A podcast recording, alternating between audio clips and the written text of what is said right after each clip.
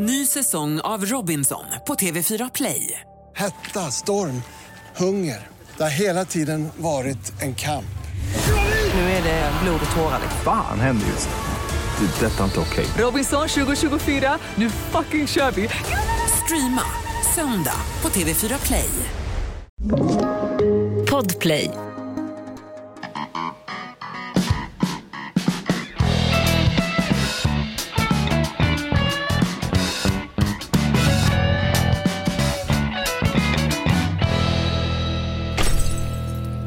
Hans smäller igen dörren till våran budgetbunker. Nej, det är inte någon bunker sedan 1945, den här bunkern är ännu äldre. Vi kör lite lågbudget men du är ändå varmt välkommen till Inaktuellt, podden med Jonas Nilsson och Hans Wiklund. Du är på gång idag Hans. Va? Ja, eh, alltså, ja, du tänker på hur jag smällde igen dörren så resolut när jag avancerade in i, i studion här. Ja, men det, det, det, det rann av mig så fort jag satte mig vid stolen. Det rann av det och det känns också. Men det var lika teatralt den där dörrsmällen som när Tommy Berggren stod på Dramatens stora scen, denna, denna kulturgigant och som han med i var det lång dags färd mot natt och han, var, han spelade över under hela föreställningen jag och morsan satt där och tittade, det här är många Ja. herrans år sedan. varit. Ja. Eh, förresten, Tommy Berggren, rätt kul. Han, eh, var det inte han som åkte hiss en gång med Ingmar Bergman? Som då var chef på Dramaten och de där två styrde ju, ingen vågade sy fram och det var ju metoo upphöjt till fem ungefär när de där två gubbjävlarna höll igång. Tommy Berggren håller väl igång fortfarande tror jag. Nej men då, då sa, sa, säger Ingmar Bergman till Tommy Berggren i hissen, jag har en jävla ångest Tommy förstår en jä, jävla ångest. Ja men det har du ju varje morgon Ingmar. Ja. Jo men i morse var det så märkligt, jag vaknade och inte hade någon ångest. Va? Det, det, jag sa en jävla ångest, va? då är det Ja. någonting som går åt helvete idag. du. Sen blev ju Ingmar Bergman, eh, ja, vad blev, han, blev, han, blev, han blev hämtad av snuten inne på under pågående repetition av någon pjäs för skattebrott. Va? Så flydde fanskapet, han gjorde en Strindberg, flydde till Danmark va? Bodde där. Ja, Tyskland åtminstone. Tyskland. Ja. Ja, för min gamla brevvän Hermann Göring är det samma land i stort Ja, sett. lite grann. Och sen gjorde han faktiskt en film i Tyskland också. Eh, Ormens ägg som kanske är en av de absolut sämsta filmerna som Bergman har gjort. Så att det, var- det var ingen bra period för honom under den. Han kände sig jagad av skattemyndigheterna och eh, att eh, Sverige var ute efter dem. Det fanns ingen tacksamhet över att han hade eh, skänkt så mycket glans åt det här dalahästlandet långt upp i, i, i norrhelvetet mm, med sina konstnärliga filmer och sådär. Så han var ju förbannad på det, men, men så småningom så kom han ju tillbaka som tur var. Hur kommer det sig att vi ska jaga våra största kulturpersonligheter med en massa skatteteknik och kräva in massa skatter när de ger så mycket till landet? Astrid Lindgren hade ju sin Pomperipossa-affär också. Mm. Det är ju Pomperipossa-historien när hon betalar 101% i marginalskatt, kärringen. Ja, hon hade som räknat fick- lite fel i och Ja, för sig, jo, men, men det var en bra artikel. Ja, visst, visst. Det var nog hennes revisor hon skulle gå till anfall mot. Mm. Nej men de kallar ju Gunnar Sträng för Katla i Katlagrottan och Mm. hon var en oskyldig liten spetunge nere i Törnrosdalen eller vad det var. precis. Likadant med Torsten Flink, denna gigant. Han har väl jagats av skattmasen i åtminstone 15 år nu. Jaha, ja. Eh, Utan att ha en inkomst ja, han har ens. inga särskilda intäkter tänker jag, så, att, um, så han blir väl sköntaxerad då kanske. Jag vet inte, men som sagt, det, det smidigaste sättet att undvika att bli jagad av myndigheter det är ju faktiskt att eh, betala sin skatt. Mm. Att hålla ner Det är huvudet. ballt att betala skatt som jag brukar säga. Mona Sahlins gamla. Det är väl bäst, eh, bästa är att hålla ner huvudet, hålla sin käft och se tiden, eh, se tiden an. Ja. Eh, jag tror att det är gamla, nu lägger du ut snusen någonstans, då börjar den här podden med andra ord. Är det Cicero som har sagt det? Att eh, böja sig för, eh, kom ihåg att du är dödlig som han viskade i örat på någon romersk kejsare. Nu, vill, nu är det en historisk referens, vi är långt in i Ja, nu, nu är du långt ute på bärtur här tror jag Jonas. Och, eh, ska vi gissa oss vidare eller ska vi byta spår helt och hållet? Jag tycker fan vi sitter och gissar en stund. Ja. Hans, eh, när du gick in i studion innan du blev förbannad och drämde igen dörren här. Jajamän. Så att inte Lindskov kan ta sig in och stänga av reglagen. Eh, vad var det du hade snackat om? Det var någon som hade blivit påhoppad av en björn i Norrtälje. Ja, det var ju ganska dramatiskt faktiskt. Det här var ett par dagar sedan. Det var en eh, jägare som, eh, som var ute i skogen och han stod vid en sån här eh, gödningsstation där man släpper ut extra foder till eh, vildsvinen så att de ska komma dit och ställa sig på rad så att det är enkelt att pricka dem. För alla oss som bor i en storstad, det är ungefär som vi lägger ut tomburkar i köpcentrum för då flockas alla EU-migranter dit så att man har, har koll på, på viltet som flödar så att säga. Ungefär så. Men, Ja. men det som händer är att att hans eh, Jycke st- ställer, någon, eller ställer något djur och han tror då att det är en gris men det visar sig att det är inte det. När han vänder på sig så står en björn på bakfötterna och eh, klipper honom till marken med en, en smäll och sen är björnen över honom och hugger tag i hans högerhand. Och det är ju ingen liten jäkla brunbjörn från Skansen, det är ju en jättebamsing till björn. Ja, alltså de, Oj, det är en Baloo upphöjt till två. Björnar är ju stora i allmänhet och framförallt väldigt potenta. Så att, eh, han kommer inte åt kniven för den har han ju i bältet på höger sida och bössan har hamnat under honom vid det här tillfället så han ligger väldigt pyrt till. Han börjar eh, så att säga eh, fundera lite grann över testamentet men då griper hans jycke in och eh, börjar skälla som tusan på björnen och sen lyckas jaga iväg björnen och eh, han kan eh, avföras med ambulans från eh, jaktområdet där och eh, klarar sig ganska hyfsat ändå. Men det var ju en stenhård kille som björnen sprang på i skogen. Han hade tillhört den gamla Wagnergruppen nere i Donetsk. Det var ju inte en tuffing. Han var åtminstone FN-soldat Ja, tror jag. Så, ja, det är inte Wagnergruppen, men, men, men ja, han var en hårding så att säga. Och det är oftast då jaktolyckor inträffar. Det är med hårda jägare som, som inte viker ner sig utan det, det är då det händer så att säga. Mm, och nu ska det bli troligen skyddsjakt för alla vilda djur som går till attack mot människor, utom pitbull, terriers och annat skit. Även de faktiskt. Är det så? Är det skyddsjakt på pitbulls? Inte jakt, men, men så att säga eh, Länsstyrelsen tar beslut att, eh, att man ska då antingen ja, skjuta den där björnen helt enkelt. Jag vill ha skyddsjakt på uh, gängkriminella men jag är en förbannad gammal Ja, det rätts- sköter de själv så fint så det behöver du inte bekymra om. Det är balans i socialbudgeten. Nej men han var ju en tuffing, han hade ju, killen i Norrtälje, han hade ju, han hade ju spjälkat armen själv med grenar så när ambulanspersonalen kommer fram då ligger en kille och kvider men ändå så har han liksom fått ihop armen på något sätt. Ja. Alltså den här killen vill jag ha som försvarsminister. Bara slänga fram honom om rysspacket dyker upp med, Ja. med MIG-flygplan och T70. Ja, han verkar tuff helt enkelt. Ja, verkligen. På tal om tuffa grejer, vi ska ha lite outlaw country. Du är varmt välkommen till, just det, eh, Norrtälje kommun förresten och Länsstyrelsen. Nu efterlyser de eh, björnspillning därför att kommunen visste inte om att det fanns björn inne på området. Nej precis, så att nu ska man börja räkna dem. Mycket talar för att det faktiskt bara är en björn. Det brukar ju vara så när man har stött på björn långt söderut i Sverige, så som i Småland till exempel. Då har det varit eh, enstaka individer som har varit ganska lätta att kartlägga. Så det är inte en hel björnstam som har etablerat sig troligtvis i Norrtälje. Nu har Norrtälje kommun lite att göra där uppe. Dels Ja, ja. ska de höja sina egna politikerlöner. De var ju Jajamän. omtalade om det efter valet. Han höjde sin egen lön, den där gubben som dök upp dödstyst i tv. Han var Mm. Värd än Ingmar Bergmans tystnaden. Han höjde väl sin egen lön med 60% och stod bara och höll käft i någon intervju. Va? Ja. Nu har han de grejerna att fixa.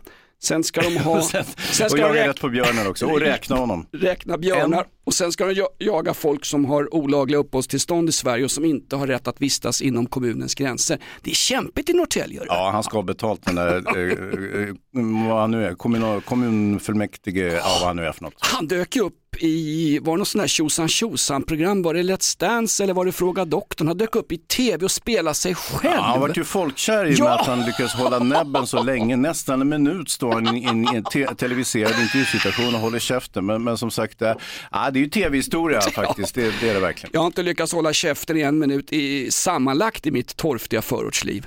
Det här är podden Inaktuellt. Vi släpper Norrtälje kommun, vi släpper det här salta, lite fräna björnbajset som du ska leta upp för att reta rätt på den här björnen. Vi kör lite outlaw country ifrån björnområdena i Sverige, ifrån Jämtland. Det här är riktigt bra svensk outlaw country. Åh, du hörde att jag närde en, en liten glöd av en kärlek till dig som förut brann så röd. Så du kom för att plåga den i dess nöd. Och du trampa på den, du stampa på den, du trodde den var död. Nu kör vi! På den igen, på den igen, jag tror den andas. På den igen, på På den igen. igen, jag tror den andas. Det här är ett betalt samarbete med Villa Fönster. Du behöver lite mer tryck nu Jonas. Tryck! Villa Fönstersnack med Linnea Bali. Villa, villa, fönster, fönster, fönster med Bali, Bali, Bali. Jonas, nu tänker jag lära dig lite om Villa Fönster. Lär mig baby. Villa Fönster är en rikstäckande leverantör av fönster och dörrar till dig som konsument och byggföretag. Och vet du vad Jonas? Vadå? Jag har en spaning. Ja. Det som gör dem så unika är att de har Sveriges bästa leveranstid. Ja, det går undan har jag hört va? Ja, det gör det. För man tänker kanske som konsument här, åh nej, det här kommer ta så lång tid. Men inom tre veckor alltså så har du ett svenskt nyproducerat fönster som är redo för omgående avhämtning eller leverans. Oj, oj, oj, inom tre veckor. Är det inte så också, jag har hört ryktena, de har Sveriges största fönsterlager va? Ja, med 500 olika varianter av fönster. Och eftersom de allra flesta av oss vill ha olika storlekar på fönster så kan Villa Fönster dessutom göra anpassningar såsom spröjs, spaltventil med mera. Oj, oj, oj Linnea, du övertygar här. Du vet inte vad en persedel är för någonting, men spröjs och spaltventiler. Här har jag nästan läst på universitetet om det här. Ja, och är det någon som har koll så är det Villa Fönster. Historisk referens här. Har du? Ja, alltid. Ända sedan 2008 så har Villa Fönster alltid haft visionen att erbjuda kvalitetsprodukter till rätt pris och kortast möjliga leveranstid. Ja, jag är nöjd Med vad då? med vårt Villa Fönstersnack. Villa Fönstersnack med Linnea Bali.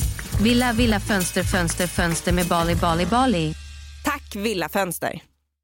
Ny säsong av Robinson på TV4 Play. Hetta, storm, hunger. Det har hela tiden varit en kamp. Nu är det blod och tårar. Fan händer just nu. Det. är Detta är inte okej. Robinson 2024, nu fucking kör vi! Streama söndag på TV4 Play. Ett poddtips från Podplay. I fallen jag aldrig glömmer djupdyker Hasse Aro i arbetet bakom några av Sveriges mest uppseendeväckande brottsutredningar. Går vi in med hemlig telefonavlyssning och, och då upplever vi att vi får en total förändring av hans beteende. Vad är det som händer nu? Vem är det som läcker? Och så säger han att jag är kriminell, jag har varit kriminell i hela mitt liv men att mörda ett barn, där går min gräns. Nya säsongen av Fallen jag aldrig glömmer på Podplay. Du, den där centerpartisten, han bara stammade. Vänta Eh, nu, vilken centerpartist? Ja, det finns inte så många Hans, men den där centerpartisten, vad heter han, Bäckström va? Han, som, han tvekade i en nanosekund om han skulle eh, som vigselförrättare viga eh, samkönade par ja. i någon intervju. Och sen- sen tvekade han när han fick frågan, kan du tänka dig att gå längst fram i Pride-tåget Ja. för hbtq-rättigheter som Annie Lööf alltid gjorde med sitt eldfängda röda hår och sitt röda plakat. Och då tvekade han lite grann den där Bäckström eller vad fan han hette. Och då försvann han ut i tiljorna. Just det, han, fick inte, han var inte aktuell som partiledare. Nej, exakt. Och nu är det bara Demirock kvar, den här killen från Vårby gård, Mm. eh, utanförskapsområdet. Eh, han har lallat runt och spritt ut hönsskit i parker i Linköping. Han är duktig i kommunen. Han kallas för Murre. Mm. Och vi nämnde han förra gången i eh, våran podd. Eh, hörde du när han var med i Agenda och fick frågan eh, den här gången, de här gångerna som Ja, du han är ju dömd för misshandel två gånger. Exakt, Eh, då har vi inte ens nämnt eh, Mariana-incidenten eller Fortkörningen. fly, flykten från tv-licensen. Nej, men, hörde du eh, i agendan när han fick, fick just den frågan? Lite märkligt när han, när han svarar där så får han liksom inga följdfrågor som vanligt. Ändå Nej. är det en skärp. Vi ska höra hur det lät när eh, Mor, Morrem Murre Demirok fick frågan om eh, han har varit våldsam flera gånger. Han fick frågan i Sveriges Television. Frågan kom självklart från vänster. Har du varit våldsam fler gånger som, som du inte har blivit dömd för? Finns det fler sådana här tillfällen som du har begravt inom dig? Nej, jag har inte. Så, och det är du helt säker på? Ja, jag... Så, så bägge de gånger du har gjort någonting sånt här så har du blivit dömd?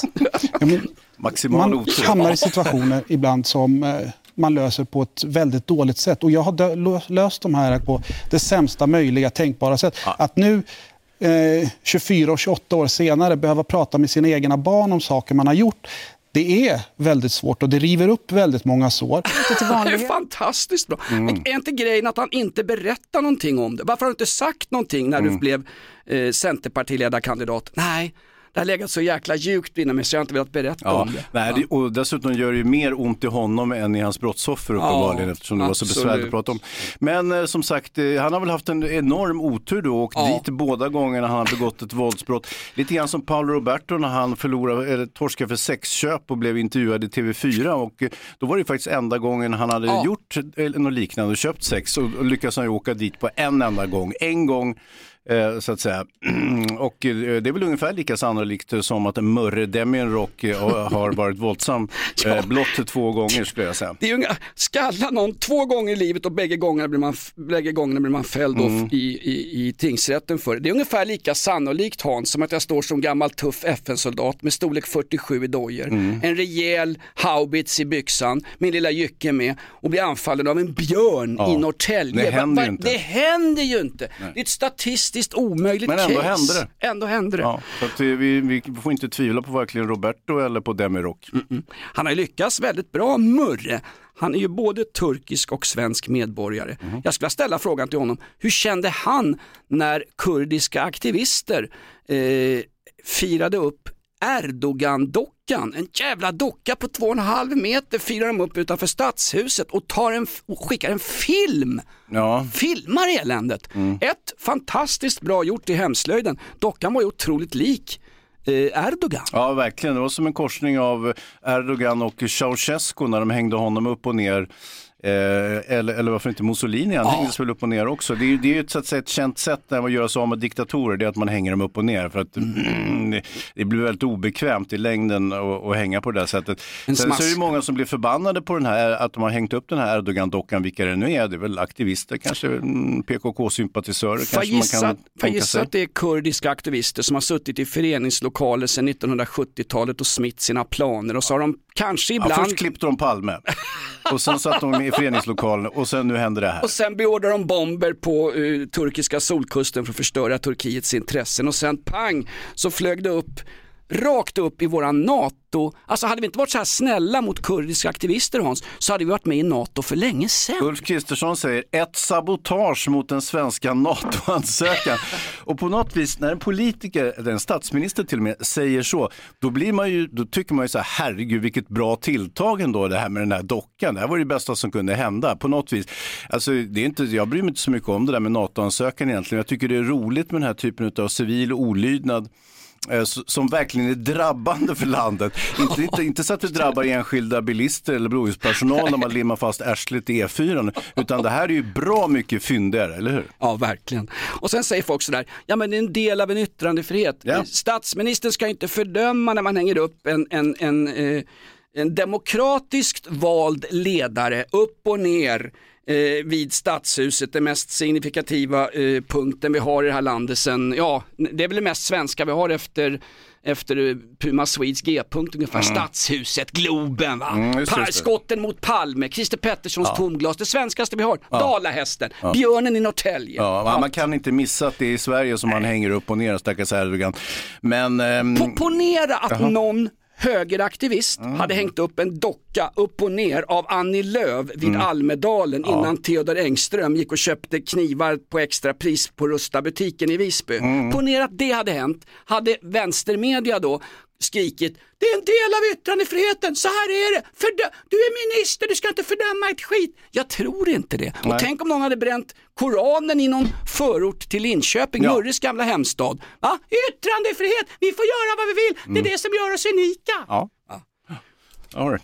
Och vem drabbades av det? Det var ju han Andreas Norlén, talmannen. Han sett fram emot en härlig weekend Han skulle åka ner och sola i Turkiet och allt gick åt helvete för honom. Är, man tycker ju synd om honom. Alltså, han som är så oerhört intresserad av att vara med överallt där det passar. visst. Han skulle Eh, åka ner med sju sorters kakor och bullar och skit. Han är ju expert på att fika med partiledarna vid så kallade talmansrunder. Ja, och jag tycker synd om Andreas Norlén. Han har med Jag sig sju sorters kebab tydligen. Jag fick ju se en bild på hans fru så jag tycker faktiskt synd om Andreas Norlén. Han är ju världens mest snälla kille, en riktig Ja, sån här könsneutral svennebanan utan, utan varken vilja eller, eller ve eller vandel. Det är också fint, han läser ju poesi på Instagram, inte om du har sett det, men han Eh, ja, något som dagens dikt ungefär när han reci- reciterar någon, någon poet. Och, Det är jävligt ju rikt- modigt. Jo, det är modigt och Ja. det är jävligt dåligt också. Så att, eh, det är ännu modigare på det sättet. Det kanske var det Norlén som hängde upp den där. Han kanske inte var sugen på att åka på charter ner till Ayia Napa, nej det ligger inte i Turkiet, men det Bodrum va.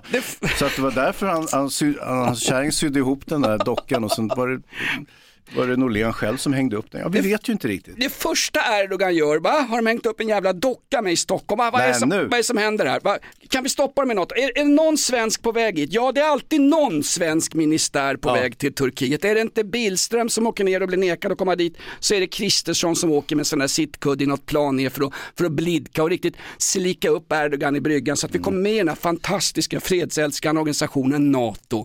Där han är största europeiska armé efter tyskpacket va?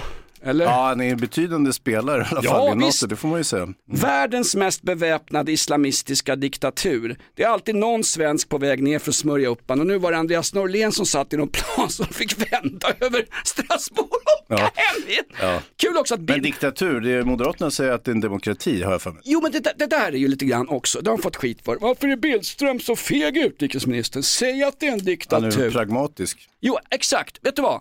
Eh, var det inte eh, Dag Hammarskjöld som sa att diplomati, det är politikens eh, eh, luriga kusin. Han måste ju säga när han ska möta Erdogan eh, att det är en demokrati därför att vi kan ju inte acceptera att vi skulle haft med en, en diktatur i någon slags europeiskt samarbete eller i NATO. Klart att Bill, Billström kan för fan inte säga att nu ska jag åka ner till diktatorn Erdogan och försöka få honom lite snäll så vi får gå med i NATO. Så att vi har någonting att skjuta med när ryssjävlarna kravlar i land ute på Nottarö, Ljusterö, Rådmansö, ja hela Stockholms skärgård. Det är klart han måste säga att det är en, en, en, en demokrati. Däremot kan jag ju säga det är märkligt att Billström åker ner.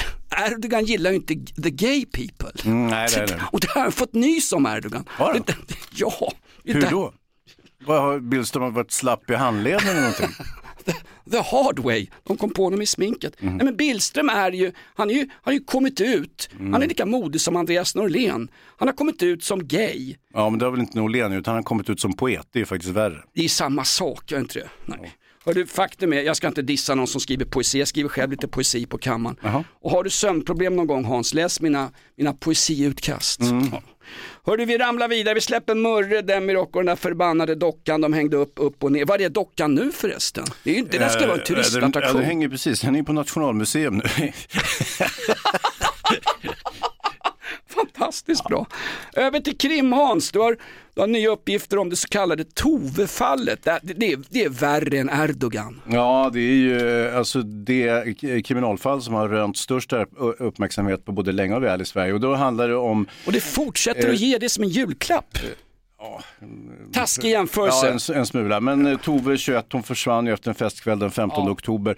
Eh, påträffades sen två veckor senare ungefär eh, död ute på skogen. Och eh, hennes två väninnor grips, eh, häktas och omhäktas. Och eh, nu är åklagaren i stort sett klar med åtalet. Han eh, kommer att åtala dem båda för mord, att de då skulle ha mördat Tove i överlagt och i samförstånd och sen slängt henne på skogen. Och, eh, det är ju en unik historia att två unga tjejer slår ihjäl en tredje tjej med berått mod på det där sättet. Och, Tjejerna var ungefär som Murri eh, Demirok. De var ju tidigare helt ostraffade, hade inte gjort ett skit. De hade ju, hon hade ju högsta betyg i skolan. Det, hade ju, det orkar ju inte ens Andreas Norlén, talmannen med när han gick i plugget. Ena Nej. tjejen var ju exemplarisk skolelev.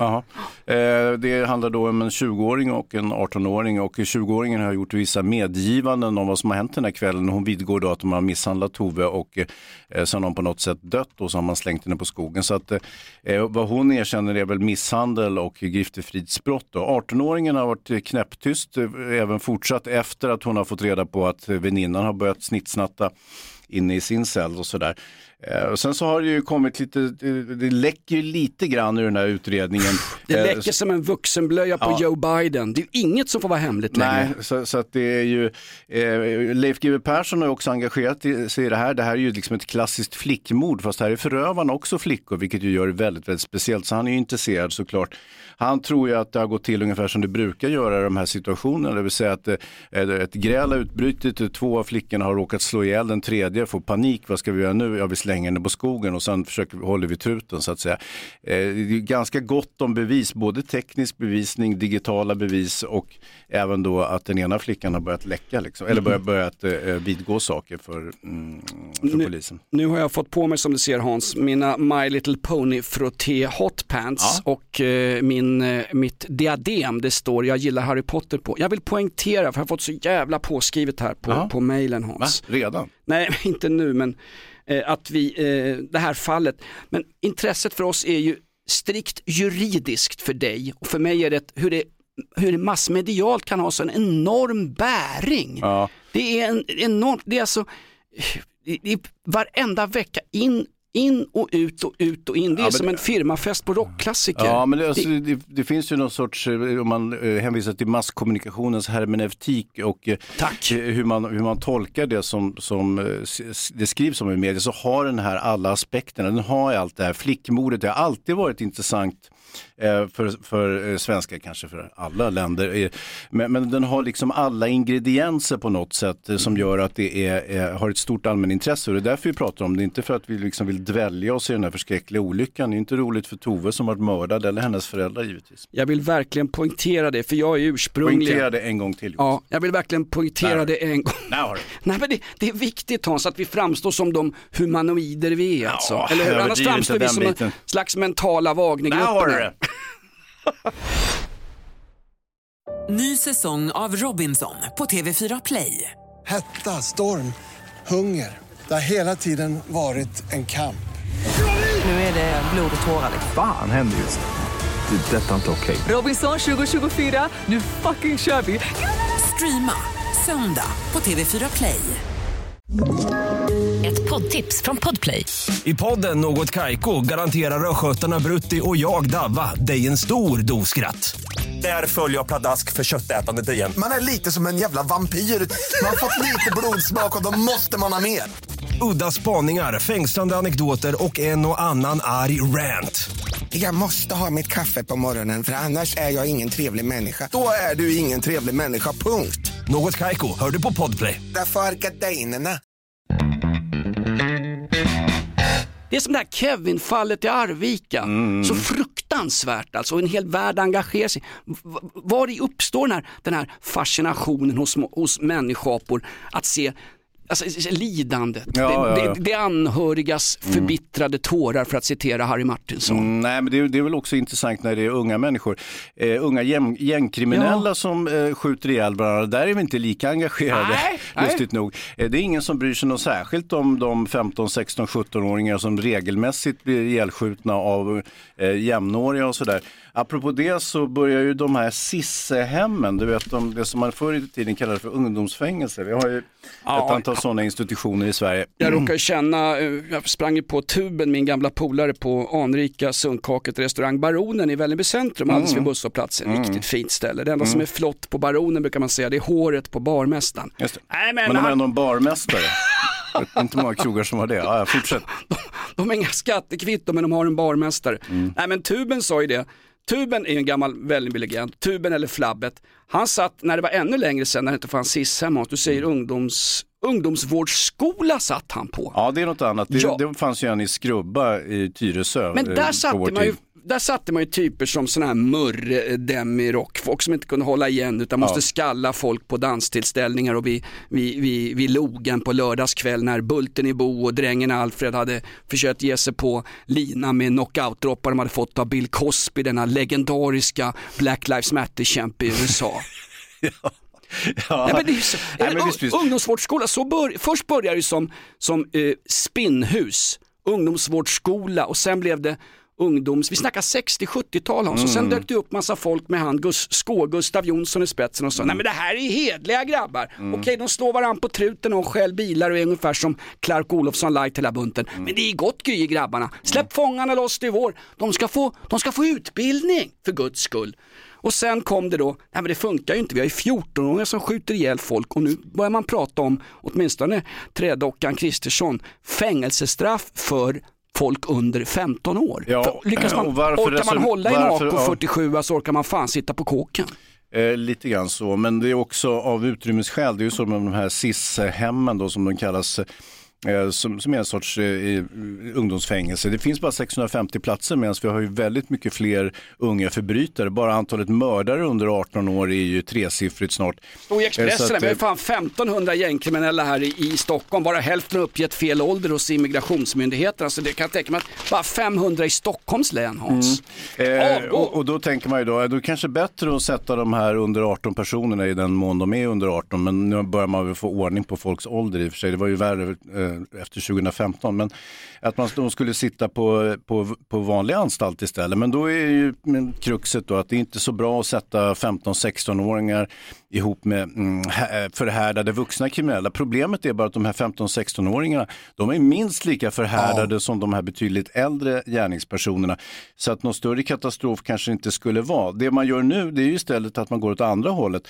När det blir fullt på SIS-hemmen, då skickar man iväg dem till HVB-hem istället. Så att då har du alltså våldtäktsmän och mördare i 14 till 17 års åldern eh, som vistas på öppna eh, HVB-hem där man kan gå och komma lite som man vill. Också tillsammans då med vanliga ungdomar med liksom psykiatriska diagnoser, med allmänna problem, eh, sociala problem, eh, med missbruksproblem och så vidare. där sitter och inte, de är oftast inte ens brottslingar, alltså Nej. de som sitter på HVB-hemmen. På HVB-hemmen sitter ju folk med psykiska problem. Det kan sitta unga tjejer med eh, skrangliga anorexiproblem och, skrangla med benpiporna tillsammans med hardened criminals som ja, man säger. Ja, och det är ju inte heller lyckat. Det tycker du inte, nej. Eh, faktiskt inte. Det som är värst med att eh, man har unga förbrytare på, på eh, HVB-hem, det är att de faktiskt bara kan promenera därifrån när, när det passar. Det kan de dock göra från SIS-hemmen också. Jag har ju goda vänner som är väldigt mycket kroppsbyggare och råskinn som jobbar som eh, plit, nej, förlåt, vårdare då på de här ställena. De har ingen särskild utbildning. Och det Jag tror också... fan det heter mentorer Hans. Det är möjligt. Det är så fint till och Ja, med. och grejen med därför bara ha 650 platser, det är för att man har lagt ner så många SISen för att man har förlorat sina tillstånd eftersom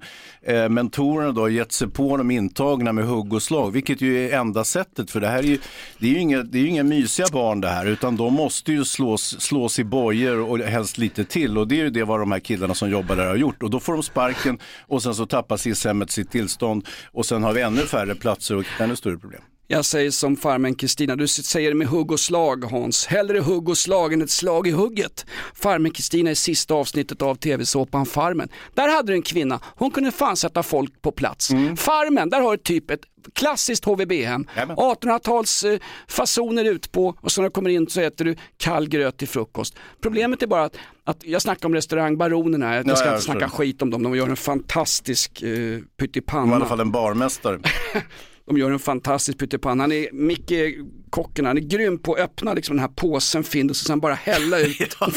Han gör det så sni- snitsigt där, eller en fry, frysta pannan bara som flyter ut ur Felix-påsen. Extra mycket smör och sen ska man ha rödbetor till så whoop, han drar upp den där Rydbergsburken i en enda handvändning. Nej men den toalettdörren har ju varit lite svag och sådär men det är ändå bättre lås på herrtoaletten på restaurang Baronen i Vällingby än vad det är på de här HVB-hemmen och på SIS-hemmen. Ja. Folk promenerar ut i allmän oordning. Är det, inte, är det inte det som våra journalister, våra eh, pressstödda tidningar ska granska och inte granska vilken ja- täckjacka Ebba Busch har på sig när de tar emot dignitärer uppe i, i Kiruna och berättar. jävla snygg jacka. Ah, fan vad snygg alltså. Alltså det, och det är ju ett klassiskt, det är ett jätteintressant samarbete eh, eh, mellan Acne eh, jeans och eh, Fjällräven. Fjällräven. Så att man har liksom eh, tagit det robusta, fina Fjällräven och så har man gjort det lite, flashat till det med den eh, modekapaciteten som Acne har. Så att det är en jäkla fin jacka.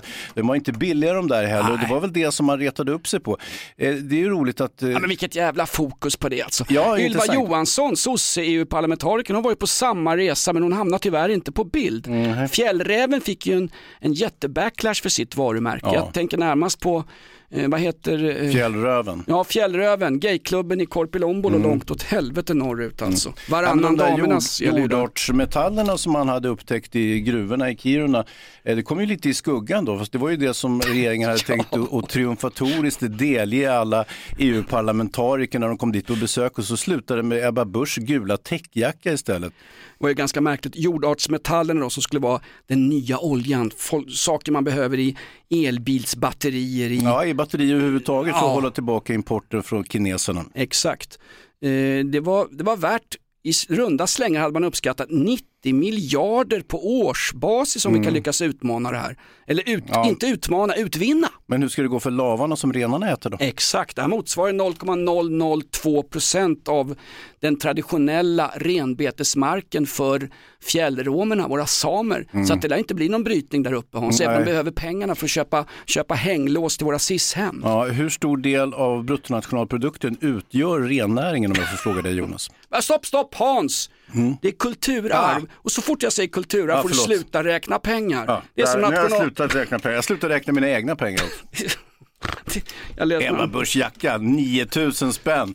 Och dessutom var det ju inte ens henne, hon hade ju baxat den. Det var ju någon väninna, som hade, eller vän, som hade lånat ut den där. Kan det eh, vara till Margot en- Dietz? Eh, det kan det mycket väl vara. Eh, för hon har väl portmonnä att, att köpa den typen av plagg. Det har ju Ebba också. Jag vet inte om ni känner till det, men våra statsråd tjänar ju i snitt ungefär fem gånger mer än vad vanligt folk gör. Då har man ju råd att köpa en jacka för, för slika pengar och behöver egentligen inte ljuga om man att, att man har lånat den när man skulle åka norröver. Mm, exakt. Och dessutom så bredvid henne så låg det någon form av... eh, Ja, det var Kristersson som Var det stod bredvid. Kristersson? Jaha, jag trodde det var en, en öppen eldstad som de lagt en sovsäck i. Nej. Alltså.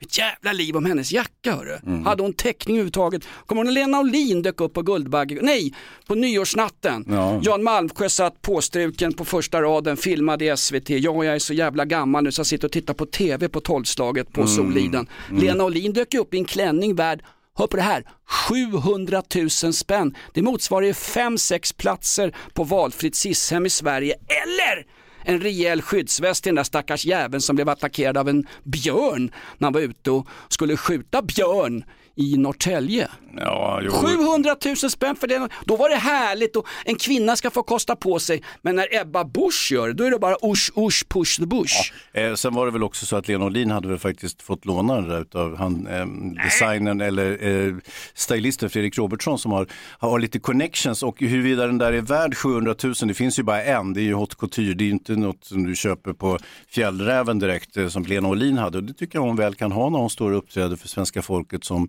en stor Hollywoodstjärna. Eh, Det var, den, det, var den, det var den absolut mest smarta eh, mest smart genomförda PR-kuppen för en film, det vill säga filmen Hilma som någon någonsin har utfört. Hon satt i varenda tv-soffa, Lena Olin och hennes fantastiska eh, gråmunkeman Lasse Hallström och berättade om Mm. den här filmen Hilma. Det är alltså ett, ett större reklam, eh, en större reklamvärde än att hänga upp en upp och nervänd eh, docka av eh, vår tids Atatürk, alltså Erdogan, eh, utanför stadshuset i Stockholm och sen ta bilder på skiten och skicka till varenda massmedia. Ja, eh, nu räckte ju inte det för den här Hilda Irma, vad fan hette filmen? Men, eh, det var bara en svensk film 2022 som sågs av fler än 200 000 eh, biljettbetalande biobesökare, vilket ju är ett haveri utan eh, motstycke egentligen. Då har man alltså en film som nästan går break-even av eh, 42 filmer. Eh, resten gick med förlust då helt enkelt. Och, eh, Ring Lasse Åberg så får han ta med sig lite pruttkuddar och skit och improvisera, improvisera ihop någonting. För det är väl det som folk vill ha Hans. Det är märkligt när politikerna säger ah, vi ska ha armlängds avstånd till kulturen, det är viktigt. Ni får inte plocka ut några böcker från några bibliotek och ni, vi får inte förbjuda en, en, en hårig transperson att vara Lucia. Armlängds avstånd till kulturen. Men det gäller ju inte svensk film. Nej. Du får ju inte filmstöd i Sverige om du inte har ett en genuscertifierat manus Mm. eller två, det handlar om integration, en stackars person i ett utanförskapsområde som blir attackerad av svenska rasister. Ja, det, det, Är det någon fan som ska bränna en koran? Ja, det finns ju vissa parametrar som man bör Ja. kryssa i om man vill ha eh, förhands och efterhandsstöd från Svenska Filminstitutet. Visst är det så. Men Vad heter han? Karim sig- Baker, han är ju en militant vänstersocialist och sitter och bestämmer, satt i alla fall Ja, och bestämmer. han, satt, han var ju eh, konsulent då tidigare, Karim, men- bra kille. Ja, Men, absolut. men, men eh, som sagt, jag, jag, tror, jag tror att man kommer och man, mm, de, det var ju det var ju hon, vad heter hon, bruden på Disneyklubben? Alice Kunkeba. Ja, ja, precis. Det var ju hon i, i samråd med, med eh, SFIs... Brallis- eh, Brallis A. Kunke heter hon, va? Ja. VD Anna Särner som, som kokade ihop den här jävla rövervällingen som man då skulle, skulle tryck, trycka ut svensk film genom. Det där har man fått lite påskrivet, det visar sig och eh, Anna Särner då som var VD, hon, slutade ju jobba som vd mer eller mindre. Hon bar ju fortfarande lön och titel men istället turnerade hon runt i, i världen och pratade om jämställdhet och inkludering på film. Eh, Så det var hennes så att säga, nya födkrok. Men det där var ju ett, lite, eh, ett, ett av alla haverierna inom den svenska filmen. Och vart tog Alice Bah Kuhnke vägen, denna kulturminister som lyckades med konststycket att ha mindre på fötterna när det gäller svensk film än självaste Amanda Raggy-frisyren Lind om någon minns henne. Hon Mm. som gick på en Guldbaggegala och sa inledningsvis, eh, ja tyvärr har jag inte sett någon av filmerna som tävlar ikväll men Nej. jag hoppas på en trevlig kväll i Ja, alla fall. Gör som Mubarak, Ja. eller vad heter han, gör som Demirok, ljug när du möter journalister, ljug rätt upp Ja, och fast det ner. där behöver du faktiskt inte ljuga om, för det där var någonting hon delade med 99,9% av Sveriges befolkning, det vill säga att ingen hade sett någon av de nominerade Guldbaggefilmerna. Och, eh, så har det ju fortsatt egentligen. Det var ju som sagt en film som spelade in över 200 000 biobesökare och det var ju den här Jag är Zlatan. Ja, exakt. Och därför party, Janne ringde honom och frågade, kan du ställa upp Zlatan? Vi kan väl fira din 50-årsdag på fotbollsplanen när vi spelar 0-0 mot Färöarna. Nu ligger vi i League C, League Conference-ligan i Europafotbollen.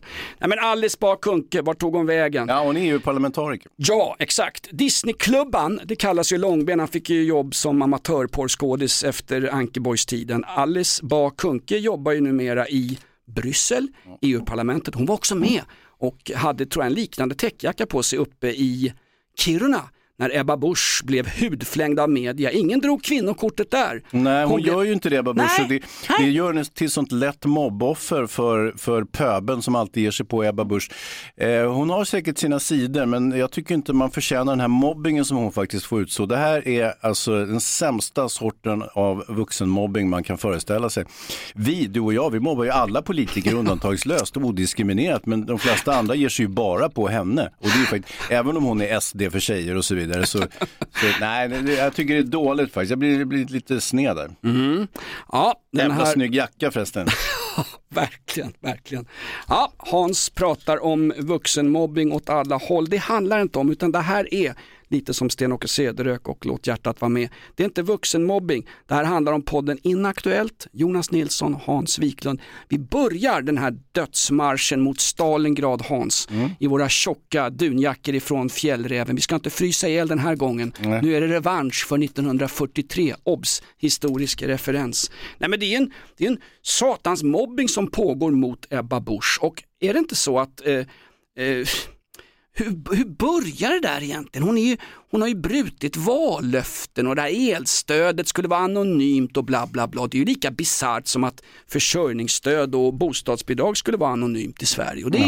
är det ju ja, just det. Barnbidrag, ja. Barnbidrag är väl inte anonymt? Alla, jä- alla jävla skitungar får det. Varenda käft på SIS-hem har ju i stort sett barnbidrag. Hans, vilken podd vi har gjort. du skulle varit med. Ja. Hörru du, på torsdag kör vi live 9.30. Har du koll? Direkt från SIS-hemmet då. Vi fick, lyckades ju rab lägga rabarber jag och Jonas på de två sista platserna där, nummer eh, 649 och 650 och så eh, lurar vi med Davva också så att vi, vi sitter i säkert förvar. Ja. Mm, hoppas Davva är alltså vår demonproducent som är med oss på torsdagar. Eh, Och just nu så hälsar han att han kunde inte vara med. Han, får Nej, han på hälsar gör- ofta att han inte kan vara med. Nej, precis varenda måndag och varenda tisdag. Nej, han sitter och gör en stor jävla pappdocka av Lindskov han ska hänga upp, upp Ja. och ner utanför Podplay-huset. Där vi sitter Det just ser bra nu. ut. Verkligen. Hans, fantastisk podd. Har du, har du adressen nu om man vill fråga podden saker eller hoppa på oss för diverse oklarheter och har vi varit orättvisa mot någon? Och Ja, eller har vi vi mobbat någon? Ja, alltså mobbinget... Vi mobbar alla utom Ebba Busch. Exakt. Jag har adressen, den är inaktuellt at podplay.se. Jättelätt, inaktuellt at podplay.se. Där kan ni skriva synpunkter och frågor och eh, gärna någonting då som vi kanske kan bära med oss till vår livesändning på torsdag som går av stapeln eh, 09.30 på Podplay. Ja, och hittar du ett enda sakfel i det vi har sagt nu i exakt 44 minuters tid. Hittar du ett enda sakfel, mejla oss, punktera sakfelet, skicka med någon jävla länk från Flashback eller Och så har från... vi en förklaring på det hela. Det var Ebba Busch fel helt enkelt. Exakt. Hittar du ett enda sakfel som vi godkänner som ett sakfel i den här podden så bjuder vi dig på merch. Det vill säga våra tröjor som vi ska tryckas någon gång Hans. Ja, Fjällräven ska trycka Ja, upp ja, dem. ja, ja, i ett samarbete med Acne. De jäkla fina. Vi går ut på lite outlaw country. Tack för att du står ut på riktigt och allting är inte helt sanningsenligt i den här podden utan allt är totalt på riktigt. En röst, en fri röst i ett degenererat samhälle. inaktuellt. Tack för att du står ut.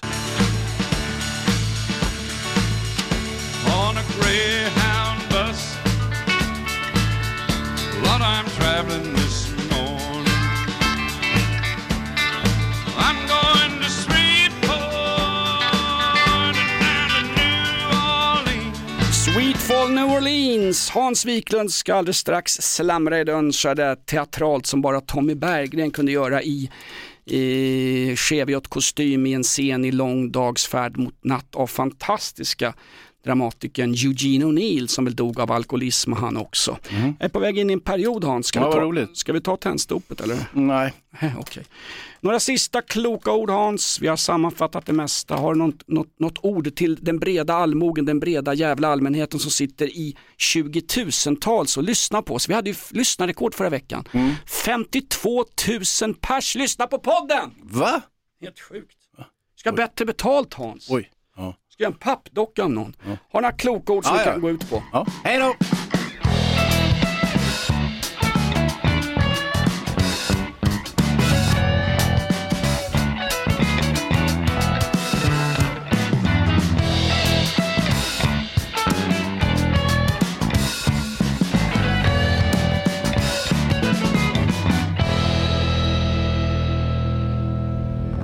Podplay, en del av Ny säsong av Robinson på TV4 Play. Hetta, storm, hunger. Det har hela tiden varit en kamp. Nu är det blod och tårar. Fan händer just nu. Det. är Detta är inte okej. Robinson 2024, nu fucking kör vi! Streama söndag på TV4 Play.